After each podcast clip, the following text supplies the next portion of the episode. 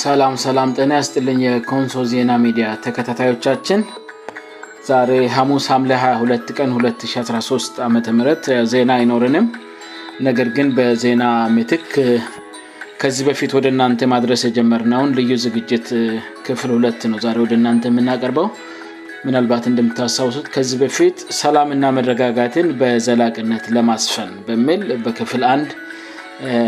አድስ ዝግጅት ወደ እናንተ ማድረሳችንን ውታስታውሳላችሁ ብለን እናስባለን የኮንሶ ህዝብ ውስጥ ያለውን የእርስ በርስ አለመግባባትና መገፋፋትን እንዴት መቅረፍ ይቻላል በምለው ሀሳብ ላይ ነው እንግዲህ አንዳንድ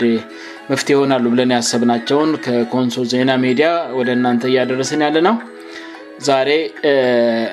የዚህን ልዩ ዝግጅት ክፍል ሁለት ይዜ ወደ እናንተ ቀርብ ያለው ከዚህ መሸጋገሪያ ሙዚቃ በኋላ ወደ ፕሮግራሙ እናልፋለን ማለት ነው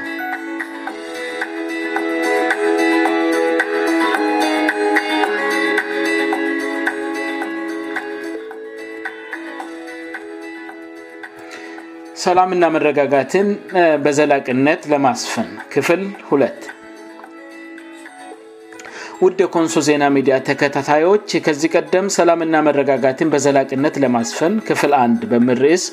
ሐሙስ አምለስ 8 ቀን 2013 ዓም ልዩ ዝግጅት ወደ እናንተ ማድረሳችን ይታወሳል በመጀመሪያው ክፍል ዝግጅታችን በመግቢያ ሀሳብ ስር በኮንሶሜዲር የእርሲቨርስ አለመግባታቹን መነሻ ምክንያቶች በጨረፍታ ለማንሳት ሙከራ አድርገን ነበር ሆኖም ግን የዚህ ተከታታይ ልዩ ዝግጅት ፕሮግራም ዋና ትኩረት በማህበረሰባችን ዘንድ የሚታወቁ የችግሩ መንስዎችን መልሶ መተንተን ሳይሆን የመፍትሄ ሀሳቦችን መሰንዘር እንደመሆኑ በክፍል አንድ ዝግጅታችን የችግሩ መንስዎች በጥልቀት አልተተነተኑም ያው እንደምታቁት ለወደፊትም ደግሞ አይተነተኑም የችግሩን መንሴዎች በደፈናው በውፍ በረር ለመነሻ ያህል ካነሳን በኋላ ዘላቂ ሰላምና መረጋጋትን በኮንሶ ህዝብ መካከል ለማምጣት ስለዚህ ምንደረግ የምል ጥያቄ ካነሳን በኋላ በመንግስት ኃላፊዎች በኩል ልወሰዱ የሚገቡ እርምጃዎችን ከሚጠቁሙ ነጥቦች መካከል አንዱን ብቻ ለመጠቆም ሙከራ አድርገን ነበር በባለፈው ፕሮግራማችን እሱም የመንግስት ሀላፍነት ላይ ያሉ ወንድሞቻችን ፖለቲካን ከመንግስት ስራ ለማውጣት ውሳኔ ማድረግ ይኖርባቸዋል የሚል ነበር ቀሪዎቹን ነጥቦችና እንደዚሁም ደግሞ ከመንግስት ኃላፍነት ውጭ ካለው የኮንሶ ማህበረሰብ ክፍሎችም ምን እንደሚጠበቅ በዚህ ስ ጉዳይ ላይ በተከታይ በምናቀርባቸው ፕሮግራሞቻችን እንደምንመለስበት ቃል በገባንላችሁ መሠረት በዛሬ ሁለት ከመንግስት ኃላፊዎች የሚጠበቀውን ሁለተኛውን እርምጫ በመጠቆም በስፋት ለመተንተን እንሞክራለን ይህን ከማድረጋችን በፊት ግን ሳናነሳ ማለፍ የማንፈልጋቸው ሁለት ነገሮችን እናንሳ የመጀመሪያው በዚህ ርእሰ ጉዳይ ላይ በክፍል አንድ ያቀረብነው ፕሮግራም ላይ አስተያየት የሰጣቸውንን ሁሉ ከልብ ማመስገን እንፈልጋለን በእርግጥ አንዳንዶቻችሁ የሚዲያችንን አላማ ስለማትረዱ አሉታዊ አስተያየት የሰጣችሁ ሲሆን ሌሎቻችሁ ደግሞ እንደዚህ ያሉ ሀሳቦች በብዛት መምጣት አለባቸው ብላችሁ አበረታታችሁናል ሁላችሁንም እናመሰግናለን በሁለተኛ ደረጃ ደግሞ ማንሳት የምንፈልገው በዞንና በወረዳዎች እንዲሁም በከተማ አስተዳደሮች ደረጃ ባሉ አመራሮች በሰላም ዙሪያ መሰራት የተጀመሩ ስራዎች ውስንነታቸው እንዳለ ሆነው ይበል የሚያሰኝ ስራ ስለሆነ ማድነቅ እንወዳለን ዛሬ እናቀርበው ሀሳብም ለተጀመሩ የሰላም ስራዎች ሊያግዝ ይችላል ብለንም ተስፋ እናደርጋለን አሁን ለባለፈው ዝግጅታችን ዋና ክፍል በመነሻነት የተጠቀምንበትን ጥያቄ በድጋሚ በማንሳት በዛሬው ክፍል ትኩረት ወደምናደርግበት ሀሳብ እንዝነቀ በኮንሶ ህዝብ መካከል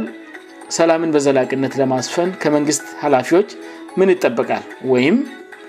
ምን ሊያደርጉ ይችላሉ ሁ በማስተዋል ና በቅንነት ላይ የተመሠረቱ የእርቀ ሰላም እንቅስቃሴዎችን እንደገና ለማድረግ መወሰን ይህን ነው ማድረግ የሚችሉት በማህበራዊ ሚዲያ ላይ አብዛኞቻችን በአንድም ሆነ በሌላ መንገድ ውይይቶችን በሰላም ዙሪያ እያደረግን ስለምንገኝ ብዙዎቹ የማህበራዊ ሚዲያ ተጠቃሚ የሆኑ የኮንሶል ልጆች ሀሳብ የእርቀ ሰላሙ ጉዳይ መንግስት እውነተኛና በቅንነት ላይ የተመሰረተ እርቅ እንዲመጣ ከፈለገ ሀላፍነቱን ለህዝብ ቢሰጥና እሱ ድጋፍ ብቻ ቢያደርግ ይሻላል የሚሉ ሀሳቦች ተንጸባርቀውበታል በሌላ በኩል ደግሞ የችግሮቹ ዋና መንስሄን ባይሆን በኮንሶ ባሉ ሁለቱ የፖለቲካ ፓርቲዎች መካከል የተፈጠረው የምርጫ ፉክክር አስቀድሞው የነበረውን ችግር በማባባሱ ና በማጦዙ ህዝብ ሰፊ ጊዜ ወስዶ ሰላሙን በሚመልስበት ውኔታ ላይ ቢመክር መንግስት ደግሞ ባለፈው ባቀረብነው ሀሳብ መሠረት ገለልተኛ አካል ሆኖ በሁለቱ ፓርቲዎች መካከል የሰላም ስራ መስራት ይኖርበታል ስለዚህ እያልን ያለነው በማስተዋልና በቅንነት ላይ የተመሠረተ የእርቀ ሰላም እንቅስቃሴን እንደገና ማድረግ ማለት በአንድ በኩል በቀበሌና ዝቅ ባለው የህዝብ አስተዳደር ደረጃ ያለው የኮንሶ ህዝብ በነባር የእርቀ ሰላም አካሄዶቹ የሚፈለገውን ያህል ጊዜ ወስዶ በራሱ መንገድ ችግሮቹን በዘላቅነት እንዲፈታ እድል መስጠት ማለት ነው በሌላ በኩል ደግሞ መንግስትን በፓርቲዎች መካከል የሰፋውን ቁርሾ ለማስተካከል ሁለቱን ፓርቲዎች አቀራርቦ በህዝባቸው ሰላም ጉዳይ የሚመክሩበትን አካሄድ ማመቻቸት አለበት ብለን እናምናለን የእርቀ ሰላም እንቅስቃሴዎችን እንደገና መጀመር ስንል አስቀድሞ የተደረጉና ፍሬ ያላፈሩ እንቅስቃሴዎች በመኖራቸውና አንዳንዶቻችሁም ደግሞ አስቀድሞ ሩየተሞከሩ እና ያልሰሩ ናቸው ብላችሁ አሁን የምናያቀርበውን ሀሳብ አያስፈልግም የሚል ሙግትን ድራ አታመጡም ስለምንፈልግ ነው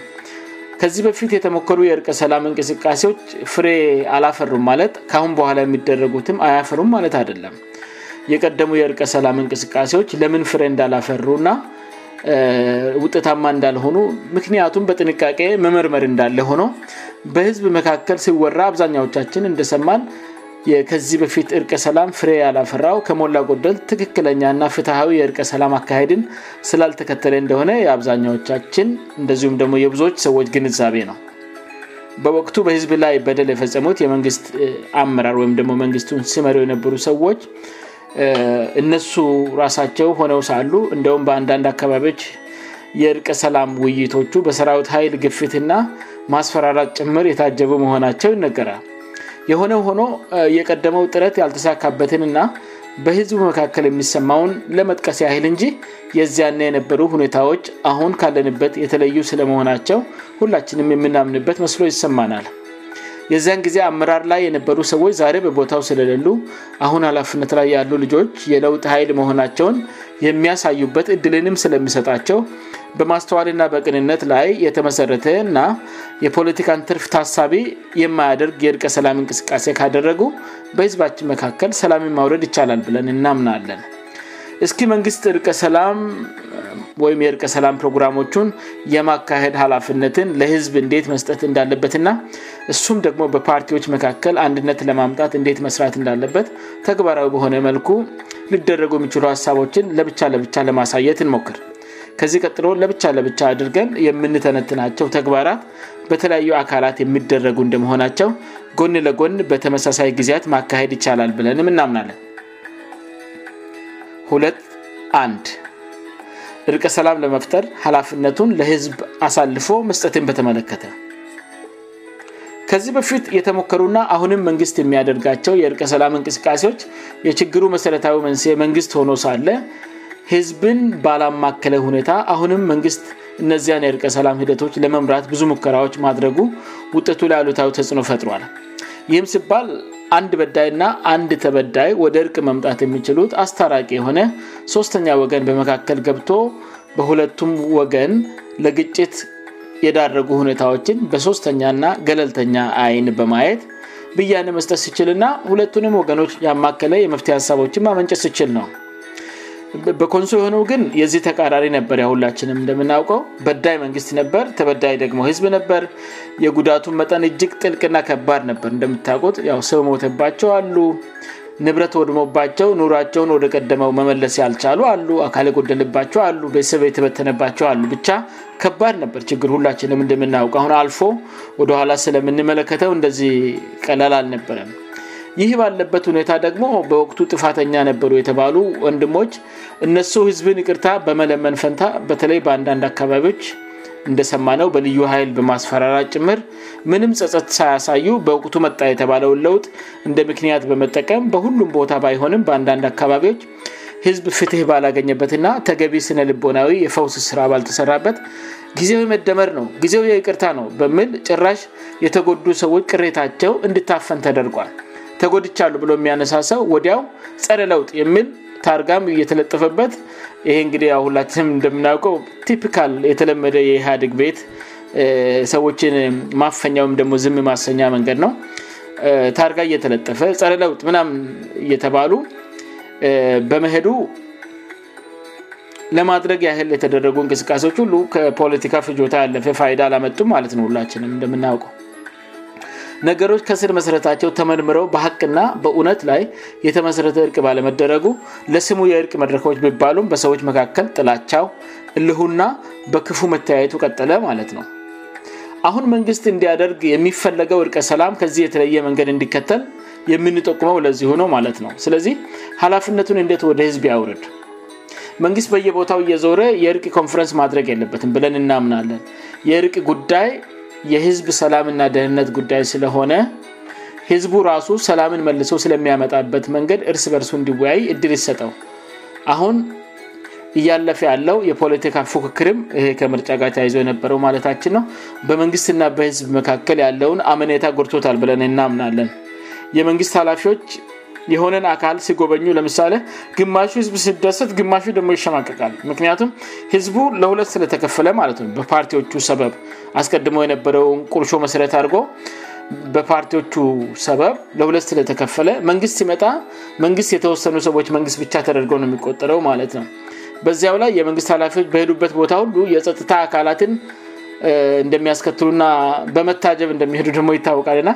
ከዚህ በፊት መንግስት የጥታ አካላትን በመጠቀም ነበር ህዝብላከፍተኛ በደልና ግ የፈጸመው ያ እንግዲህ ለህዝቡ ይታወሰዋል እና መንግስት በጥታ ኃይል ሄዶ ውይይቶችን በሚያደርግበት ጊዜ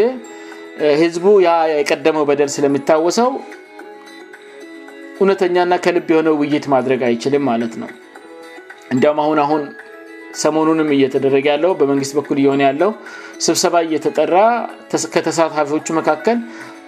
ሰዎች ይታሰራሉና ይሄ ከዚህ በፊት የተለመደ አደለም የበለጠ በመንግስትና በህዝብ መካከል መራራቅን የሚፈጥር ነው እንወያይ ብሎ ህዝብን ጠርቶ ለስብሰባ ስብሰባውን ከመጡ መካከል በጣም ብዙ ቁጥር ያላቸውን ሰዎች ማሰር በጣም አደገኛ አካሄድ ነው በመንግስትና በህዝብ መካከል ክፍተት ይፈጥራል እንደዚሁም ደግሞ ህዝብ የጸጥታ አካላትና የመንግስት ኃላፊዎች ባሉበት በነጻነት የልቡን እንዳይናገር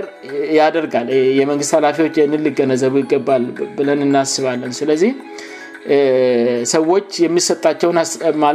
እንዲህ ባለ ሁኔታዎች የሚሰቸው ሀሳቦች በፍርሃትና የመንግስት ባለስልጣናትን ማስደሰትን ታሳቢ ያደረጉ ሊሆኑ ይችላሉ ማለት ነው ስለዚ ከርቀ ሰላሙ ጉዳይ አንጻር መንግስት ሙሉ በሙሉ እጁን ቢያወጣ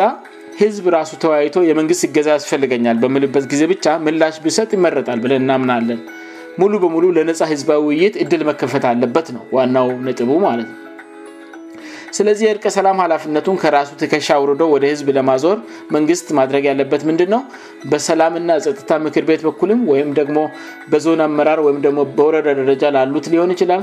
እንደ ባህላዊ ተቋማት ያሉት ወይም ደግሞ አብያተ ክርስቲያናት ንም ሊሆን ይችላል እንደዚህ ያሉ ተቋማትን መሪዎች ጥሪ በማድረግ የእርቀ ሰላሙን ጉዳይ በማህበረሰብ ደረጃ ለማከናወን ራሳቸው ተወያይተው ኮሚቴ አደራጅተው ካስፈለገ መጠነኛ የዳሰሳ ጥናት አድርገው ሂደቱን ስለሚያስከሄዱበት ሁኔታ እቅር ሰርተው በራሳቸው እንዲንቀሳቀሱና መንግስት የሚፈልጉትን ብቻ ድጋፍ እንዲያደርግላቸው ማድረግ ነው ማለት ነው እየጠየቅን ያለ ነው እንደ መፍትሄ የምናስቀምጠው በዚህ ሁኔታ መንግስት አቅጣጫ ሰጥቶ ሀላፍነቱን ወደ ህዝብ ካወረደ በኋላ በመጀመሪያ ቀን የተገናኙትና ራሳቸውን ያደራጁት የማህበረሰብ ተቋማት መሪዎች እርቀሰላሙን በሚገባ ለማከናወን በቀበላያት ደረጃ ምን ማድረግ እንደምኖርባቸውእና አጠቃላይ ሂደት ምን ያህል ጊዜ እንደሚፈጅባቸው ከመንግስት ደግሞ ምን ምን ድጋፍ እንደሚያስፈልጋቸው እራሳቸው የሚያቀርቡት ይሆናል ማለት ነው ስራቸውን ለመስራት የመንግስት አካላትንም ሆነ በርቀ ሰላም ዙሪያ እውቀት ያላቸውን ባለሙያዎች ማማከልና አስፈላጊም ሆኖ ሲገኝ ከሌላ አካባቢውም ልምድ መውሰድ ካለባቸው መንግስት አስፈላጊውን ድጋፍ እያደረገላቸው እነዚህን ነገሮች ማድረግን በተመለከተ እነሱ ራሳቸው የሚወሱነት ይሆናል ማለት ነው እነዚህ የማህበረሰብ ተቋማት በመንግስት የአላፍነት ስልጣን በወቅቱ በደል የፈጸሙ ግለሰቦችንም ጉዳይ ያስቀወም በሚያዘጋጁት መመሪያ መሰረት ጉዳያቸውን ተመልክተው ይቅርታ መጠቅ ቢኖርባቸው ወይም ህዝብ የሚበይንባቸው ቅጣትም ካለ ከአካባቢው ርቆ ይኖራል ሳይባል ወደሚፈልጉት ቦታወይምወደሚፈልጉበት ቦታ እንድመጡላቸው ለነዛ ለእርቅ አስፈፃሚዎች እንድመጡላቸው መንግስት እነዚያን በአሁኑ ጊዜ በኮንሶ ውስጥ የማይገኙትን ና ሌላ ቦታ ያሉትን የቀድቡ ባለሥልጣናትና ህዝብ ቅሬታ የያዘባቸውን ለእርቀ ሰላሙ ሂደት በሚፈለጉበት ጊዜ ሰዎቹን ወደ ኮንሶ በመጥራት በኩል ትብብሮችም ማድረግ ይችላል ማለት ነው መንግስት በእሱ በኩሉ እና ከፍተኛ ጉዳት ደርሶባቸው እንደዚሁ በተመሳሳይ ከፍተኛ ጉዳት ደርሶባቸው ትክክለኛና እውነተኛ እርቅ ባለመደረጉ እንዳዘኑ ያሉ ሰዎች በዚሁ የእርቅ አስፈፃሚ አካል ተለይተው በመንግስት በኩል የሚደረግላቸው ነገርም ካለ እርቅ አስፈጻሚዎቹ የማህበረሰብ ክፍሎች ስለ እውነተኛ ና ስለ ህልና ብለው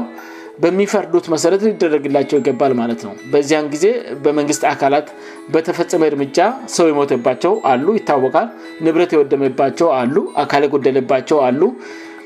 እነዚህን ሰዎች ህልናቸውን ለማስታገስ ና ልባቸውን እኳን ለእቅርታ እንዲከፈትና ከቅን በቀል እንዲወጡ ለማድረግ እርቅ አስፈፃሚዎቹ በሚወስኑት መሰረት ካሳ ሊደረግላቸው ይገባል ማለት ነው ግለሰቦች የተበዳደሉ ቢሆን እኳን ያ ሁላችንም እንደምናያውቀው ፍርድ ቤት ተካሰው ፍርድ ቤት ካሳ ይፈርዳል አደለም ስለዚ አሁን በዚህ የዛን ጊዜ የነበረው መንግስት ህዝብ ላይ ባደረገው ጫና ና እንግልት ጉዳት ለምሳሌ አባወራ ጣላጣች ል ጠዋሪ ልጇን ላጣች እናት እናሸማግለ አካሉ ለጎደለበት እንደዚሁም ደግሞ ንብረቱ ወድሞበት ወደ ቀደመው ሁኔ መመለሴ አልቻለ ማንኛውም ሰው የመንግስት አቅም በሚፈቅደው ሁሉ ሰላሙን ዘላቂ ለማድረግ ና እውነተኛ እርቅ ለማድረግ ሲባል ከሳ ሊደረግለት ይገባል ማለት ነው በዚህ መንገድ ህዝባችን የመዋቅር ጥያቄ ባነሳበት ወቅት ወደነበረው አንድነቱ እና አንድ ቋንቋ ወደምናገርበት እንድመለስ ጥርያ መንገድ ማዘጋጀት ይቻላል ብለን እናምናለ ሁለት ሁ እርቅ ሰላሙን ለማጽናት በሁለቱ የኮንሶ ፓርቲዎች መካከል ስራ መስራትን ደሞ በተመለከተ ከላይ እንደተገለጸው የተፎካካሪ ፓርቲዎች በኮንሶ መፈጠር የችግሩ ዋና ምክንያት ባይሆንም በእሳት ላይ በንዝን የመጨመርን ያል አስቀድሞው የነበሩትን ችግሮች በማስፋት ረገድ በፓርቲዎቹ መካከል የተካሄደው የምርጫ ክክል ከፍተኛ ሚና መጫወቱ ለሁላችንም ገልጽ ነው ይህም የሆነ ሁላችንም እንደምናውቀው ትክክለኛ ና ሂደቱን ያልተከተለ በፍትህ ያልተደገፈ እርቀ ሰላም በወቅቱ በነበሩ ችግር ፈጣሪዎችና ተጎጂዎች መካከል አለመደረጉን ተከትሎ እነዚያ ሰዎች የሚመሩትን መንግስት ጥላቻ አንዳንዶች አማራጭ ነው ያሉትን የፖለቲካ ፓርቲ ወደ መደገፍ በመግባታቸው እና የምርጫ ውድድሩ በመጣ ጊዜ ሙሉ በሙሉ በፖለቲካ ሀሳብ ልዩነት ላይ የተመሠረተ ሳይሆን አስቀድሞው የነበረውን ቁርሾ ጭምር ታሳቢ ያደረገ በመሆኑ ነው ማለት ነው አሁን መሆን ያለበት መንግስት በብልጽግና ፓርቲ መነፅር ነገሮችን ማየት በማቆም መንግስት ከፓርቲ በላይ ከፍ ያለ እንደመሆኑ ሁለቱም ፓርቲዎች ችግሩን በማባባስ ረገድ ሜና እንዳላቸው እንደማይካድ ሁ በመፍትሄ አንጻርም አብረው የሚሰሩበትን መንገድ መፍጠር አለበት ምርጫን በተመለከተ በኢዜማ ፓርቲ በኩል በህግ የተያዙ ጉዳዮች በብሔራዊ ደረጃ ማለታችን ነው በህግ የተያዙ ጉዳዮች የብርጽግናና የኢዜማ ጉዳይ ብቻ እንጂ የኮንሶ ዞን መንግስትና የኢዜማ ፓርቲ ጉዳይ ተደርጎ ልወሰድ አይገባም መንግስት በህዝባችን መካከል ሰላም እንዲሰፍን እንደ ምንም ብሎ ለሁሉም ዜጎች እኩል የሚለፋ ገለልተኛ አካል መሆኑን ማሳየት አለበት ስለዚህ ከምርጫ ጋር ተያይዘ በተፈጠረው መካረር የተፎካካሪ ፓርቲውን አመራር በሐሰተኛና ለማንም አንባቢ በማይመስልና አሳፋሪ ቅንብር ከመክሰስ መንግስት የብርጽግና አመራርና የኢዜማ አመራርን በጠረበዛ ዙሪያ ቁጫ አድርጎ ምን ይሻላል እስከ መቼ ህዝብ እንዲህ ባለ ሁኔታ ይቀጥላል እስከ መ እኛ በህዝብ መካከል የልዩነት ምክንያት እየሆንን እንቀጥላለን ብሎ ለፓርቲዎቹ ጥያቄ ማቅረብ መቻል አለበት በምርጫ ቦርድ የሚፈቱ ጉዳዮች በዚህ ውይይት ምንም ቦታ አይኖራቸውም የሁለቱ ፓርቲ አመራሮች ከምር የኮንሶን ህዝብ እንወዳለን ካሉ መንግስት ሪክ ያደረግላቸው በህዝብ ሰላም ጉዳይ ምንም ቅድመ ሁኔታ ማስቀመጥ አይጠበቅባቸውም መንግስት ለመሆን የሚፎካከሩት የኮንሶን ህዝብ ለማገልገል ከሆነ የኮንሶ ህዝብ ሰላም አቶ እነሱ ይህን እያዩ በነገር መፈላለጉን መቀጠል አይችልም በተለይ በዚህ አንጻር የመንግስት ኃላፊነት እጅግ ሰፊ ነው ማለት ነው መንግስት የብርጽግና ፓርቲ አገልጋይ ብቻ ሆኖ የተፎካካሪ አመራርን ማሳደድን እርግፍ አድርጎ በመተውና እንደውም ከተቻለ የታሰሩትን በመፍታትና ወደ ውይይት ጠረበዛ በማምጣት ለኮንሶ ህዝብ ሰላም ያለውን ቁርጠኝነት ማሳየት አለበት የሐሰት ክሶች በሙሉ እንዲቋረጡ ማድረግ አለበት ይህ የኮንሶ ህዝብንም አመራር የህልና ንጽህና ጥያቄ ውስጥ የሚከት ስለሆነ ይህ በማድረግ ለለውጥ የቆረጠ መሆኑን ማሳየት አለበት እንደ እድል መጠቀም አለበት አሁን ባለው አመራር መካከል በቅንነት በማገልገል ላይ ያሉ ነማን እንደሆኑእና አሁን ያለው አመራርም ከዚህ በፊት የኮንሶን ህዝብ ወይም የኮንሶ ህዝብ ላይ ግፍ በመስራት መከራ ያሳዩት ባለስልጣናት አሁንም እየመሩ እንዳልሆነ የኮንሶ ህዝብ ይገነዘባል ብለን እናምናለን ሆኖም ግን አሁን በፖለቲካ አንጻር በመንግስት በኩል የሚወሰዱ ከሀገር ህግና ከልና ህግ አንጻር ፈጽሞ ተጸራሪ የሆኑ እርምጃዎች ምክንያት ህዝብ አሁን አመራር ላይ ባሉትና ከዚህ በፊት በአሰቃዩት መካከል ልዩነት የለም ወደ ምልድምዳሜ እንዳይሄድ አመራር ላይ ያሉ ወንድሞቻችን ጥንቃቄ ማድረግ አለባቸው ከለውጥ በፊትና በለውጥ ማግስት ህዝቡን በዱላና በኃይል ከገዙት እንደሚለዩእና ገዢ ሳይሆኑ አገልጋይ መሆናቸውን የሚያረጋግጡበት አጋጣሚ እንደሆነም ልገነዘቡ ይገባል መንግስት በዚህ በሰላምና የህዝብን ማረጋጋት ጉዳይ ዙሪያ ፖለቲካን ወደ ጎን በመተው ከተፎካካሪ ፓርቲ አመራር ጋር በሰላም ጉዳይ አንድ ጊዜ ሳይሆን ተከታታይ ውይይቶችን በማድረግ ፓርቲዎቹ እርቀሰላሙን ከሚመራው አካል ጎን ለጎን መስራት የሚችሉበትን በእቅድ መልክ ማዘጋጀት ይችላሉ ብለን እናስባለን ወይም እናምናለን መንግሥት ያንን እድል ካመቻቸላቸው እቅዱ ከተፎካካሪ ፓርቲእና ከገዢ ፓርቲ የተዋቀሩ ሰዎች እርቀሰላሙን ከሚመሩ የህዝብ ኮሚቴ ጋር በመናበብ አብረው ስለሚሰሩበት ሁኔታ መነጋገር አስፈላጊየሆነ ሲገኝ በወረዳና በቀበለ ደረጃ አብረው እየዞሩ ህዝባችንን በፖለቲካ አቋማችን ልዩነት ምክንያት ሊከፋፈልና ሊጎዳዳ አይገባም የሚሉ ሀሳቦችን በየቦታው እየዞሩ በግልጽ ይህንን መልእክት ማስተላለፍን የሚያካትት መሆን ይገባል የሚያዘጋጁት እቅድ በተመሳሳይ በፖለቲካ ልዩነት ምክንያት የተለያዩ የቤተሰብ አባላትና የመንድር አባላት የተለያዩበት ሁኔታ ካለ ማ የተጣሉበትና ቅዳኒ ስ የገቡበት ሁኔ ካለ አንድ በማድረግ ረገድ የሁለቱ ፓርቲዎች ጥምረት አስቀድሞ ስራዎችን ጭምር በመስራት እርቀ ሰላሙን ለሚመራው የህዝብ ኮሚቴ ጭምር ሜዳውን ማመቻች ይችላሉ ይህግን ሊሆንም ችለው ደጋግመን እንደተናገር ነው ወይም ደግሞ በአጽኖት አሁንም እንደምንናገረው መንግስት ሁለቱም ፓርቲዎች ለማቀራረብና በህዝብ ሰላም ጉዳይ ለማወያየት የልብ ቁርጠኝነት ሲያሳይ ብቻ ነው ማነው ኮንሶ ዜና ሚዲያ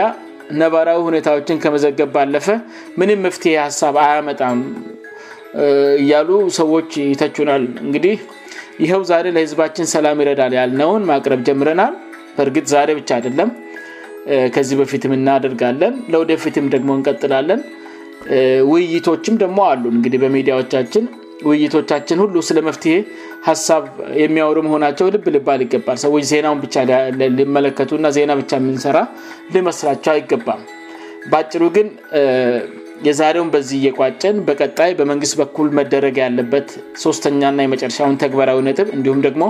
ከኮንሶ ምሁራን ወይም ደሞ የተማሉ ልጆች ምን ይጠበቃል የሚሉት ሀሳቦች እንደዚሁም በቀጣይ የተከታታይ ጊዜያት ወደ እናንተ እናደርሳለን ስለተከታተላቸውን በጣም እያመሰገንን የዛሬውን በዚህ እንቋጫለን እግዚአብሔር አምላክ ህዝባችንም በሰላምና በአንድነት ባርክ ለመሪዎቻችንም የሚገባውን ያደርጉ ዘንድ ማሰዋልና ጥበብን ይስጣቸው እንላለን ከወንሶ ዜና ሜዲያ